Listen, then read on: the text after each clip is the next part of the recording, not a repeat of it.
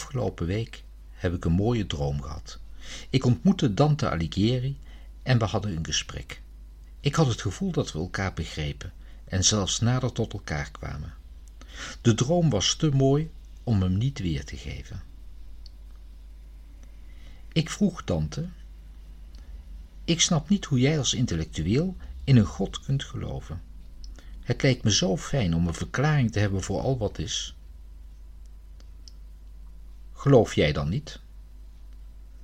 Het ligt eraan hoe je geloven definieert. Ik geloof niet in een almachtige God die zich persoonlijk met mij bezighoudt, zoals me dat vroeger voorgehouden is. Daar verbaas ik me dan weer over. Je hebt er zoveel over gelezen en bovendien heb je religieuze composities als een requiem, een stabat mater en missen gecomponeerd. Je geeft lezingen over mijn Divina Commedia en hebt daaruit teksten gebruikt voor jouw composities. Dat klopt. Het geloof in ons bestaan intrigeerde me enorm. Ik zie ook de noodzaak van rituelen, de ordo en de gezamenlijke zin geven aan ons bestaan. Wat zijn dan jouw bedenkingen? Het zijn niet zozeer bedenkingen, dan wel mijn oprechte pogingen om de zin van het leven te achterhalen. Waarom leven we eigenlijk? Waarom is er zoveel onrecht in de wereld? Wat doet daartoe in ons bestaan? Waarom is er iets in plaats van niets? Waarom bestaan we?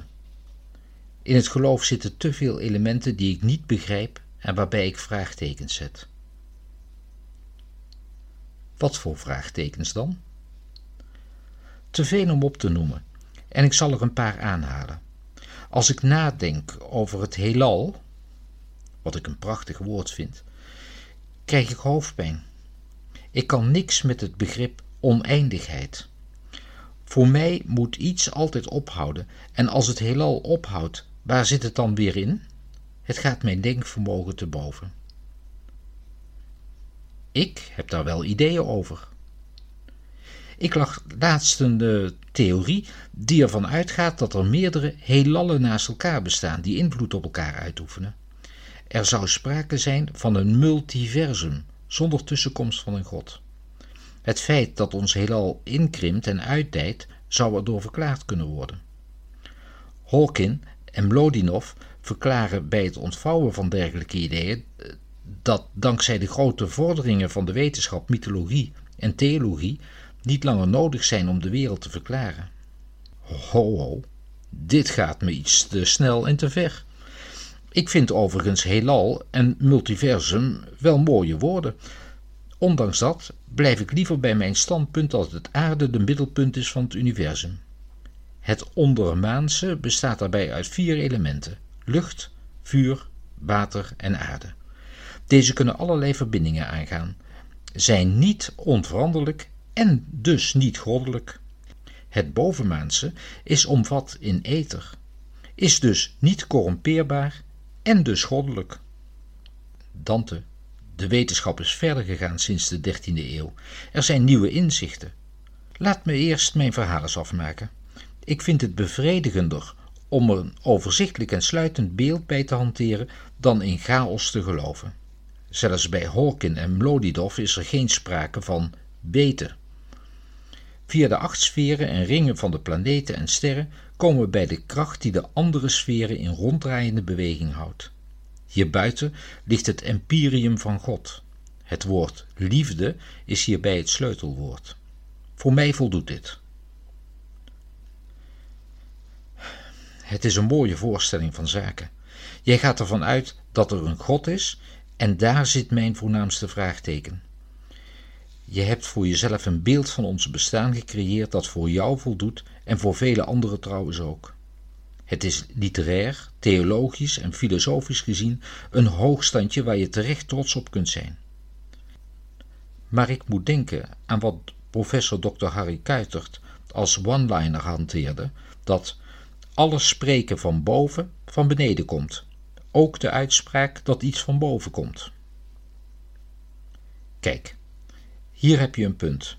Op zich kan ik me vinden in de constatering dat wij als mensen proberen te verklaren wat de zin van ons bestaan is, waarom er gebeurt wat er gebeurt. Het is en blijft mensenwerk, die zoektocht naar het wezen van wat is. Theologie en filosofie zouden hierbij wetenschappelijk denken niet uit moeten sluiten, maar elkaar moeten omarmen. Misschien iets om nog eens nader over te spreken in een volgende droom. Ik werd wakker door de wekker die per nog afgesteld stond op zeven uur in de ochtend. Ik had behoorlijk wat energie opgedaan.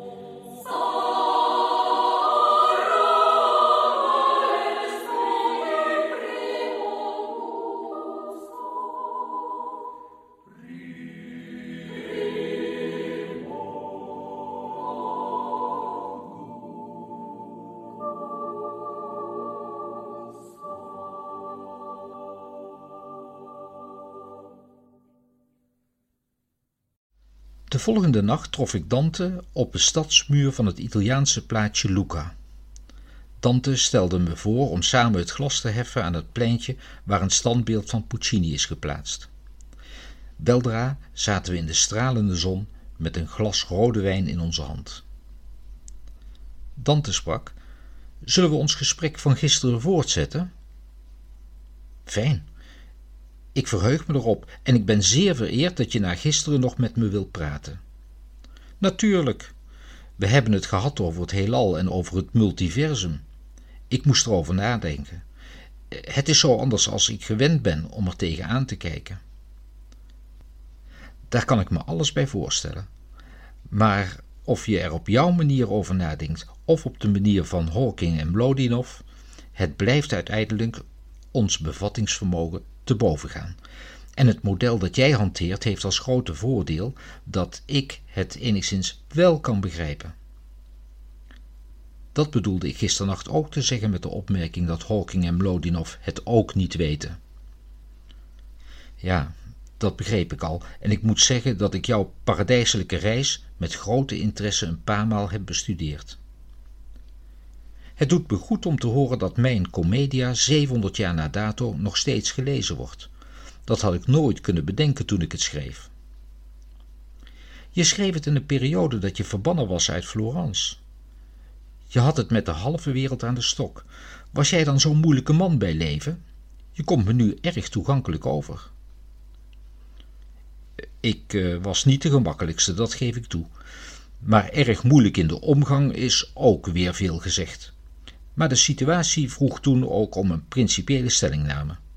De tijd was toen rijp voor verandering en ik vond dat ik voor onze idealen moest opkomen. Het gemeenschappelijke doel overstijgt dat van het individu en soms moet je de confrontatie niet uit de weg gaan en moet je offers brengen. Ik heb in ieder geval nergens spijt van. Weet je, als ik over je lees, vind ik je best een typische persoon. Je was enerzijds graag in ruig gezelschap, je hield van de vrouwtjes en je ging fysiek en in woord en geschrift de strijd aan met politiek andersdenkenden. Anderzijds maak je met Vigilius aan je zijde een imaginaire reis, sublimeer je jouw ontmoeting met Beatrice, die je bij leven nauwelijks hebt gekend, en uh, roep je het beeld op van een sereen handelend man. je maakt de klassieke fout door personen van vlees en bloed gelijk te stellen met stijlfiguren die in literaire werken worden gehanteerd. Dit gaat me te snel. Kun je dit toelichten? Het is niet zo moeilijk. Ik hanteerde schrijftechnieken die in mijn tijd gebruikelijk waren en voegde natuurlijk wat nieuwe elementen toe. Maar ik bleef een kind van mijn tijd bij het schrijven van mijn werken. Het voert nu wat ver om hier verder op in te gaan. Bovendien moet jij zo wakker worden. Zullen we nog eens afspreken? Ik wil je graag in Padua de kapel laten zien die mijn vriend Giotto heeft beschilderd. Ken je die? Ja, ik ben daar geweest, maar het lijkt me geweldig om die plaats met jou als gids nog eens te bezoeken. We namen allerhartelijkst afscheid van elkaar, maar niet nadat we nog een glas gevuld met goede rode wijn hadden geheven. Het was weer een bijzondere ontmoeting.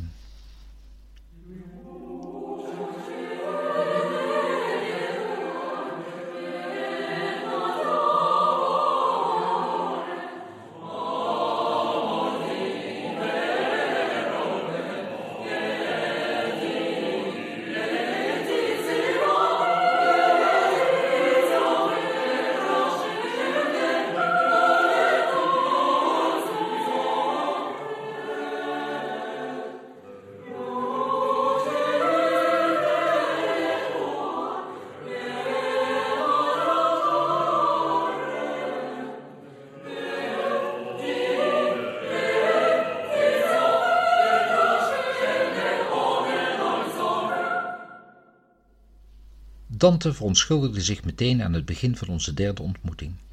Hij gaf aan dat hij de gesprekken op prijs stelde, maar dat hij weer verder moest trekken. Dante verkeerde in de veronderstelling dat ik mijn zoektocht naar het wezen van wat is, wel zonder zijn directe hulp zou kunnen voltooien. Hoe kon ik anders dan blij zijn met de aandacht die me tot nu toe al ten deel was gevallen? Dit was voor mij de gelegenheid bij uitstek om hem nog enkele prangende vragen te stellen. Ik zei: Natuurlijk heb ik er begrip voor dat je verder moet gaan. Ik ben al blij met het feit dat je me zo uitgebreid te woord hebt willen staan. Het genoegen was geheel aan mijn kant. Het is altijd fijn om iemand te treffen die interesse heeft voor je denkbeelden. Toch heb ik enkele vragen die ik nog zou willen stellen. Ga je gang. Ik hoop dat ik je vooruit kan helpen. In je jeugd zijn je moeder en je vader al vroeg overleden. In hoeverre heeft dit een rol gespeeld in je leven en werk? Een interessante vraag. In mijn tijd hoorde de dood bij het leven.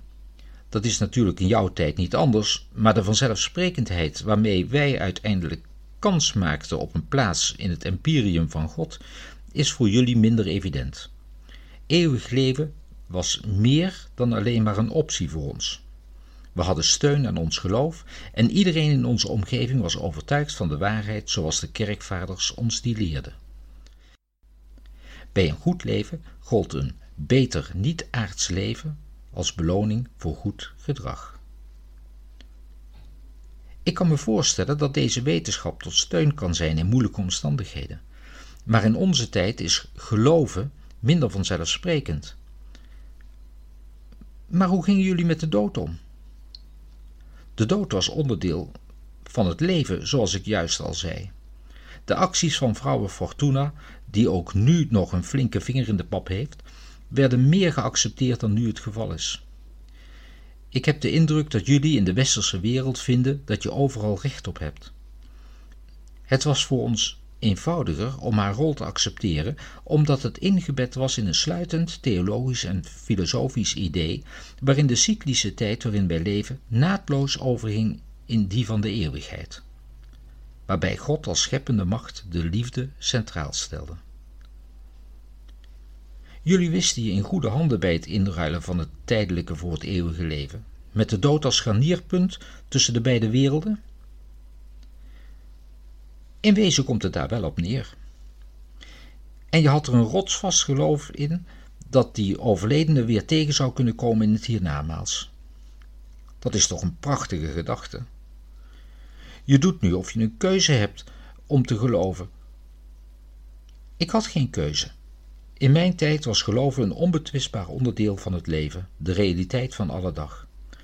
Ik benijd jullie niet met je keuzevrijheid om wel of niet te geloven, met al je vragen die daaruit voortvloeien en waarop je waarschijnlijk nooit een sluitend antwoord zult vinden. Het alternatief voor geloven is om niet te geloven. Ieder van jullie zal zelf zin aan het leven moeten geven. In dat opzicht had ik het eenvoudiger.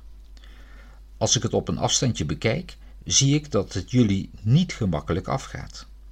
Ik ben dood en heb jullie mijn werk nagelaten. Op deze manier leef ik na mijn dood nog voort, zelfs hier op aarde in jullie dromen.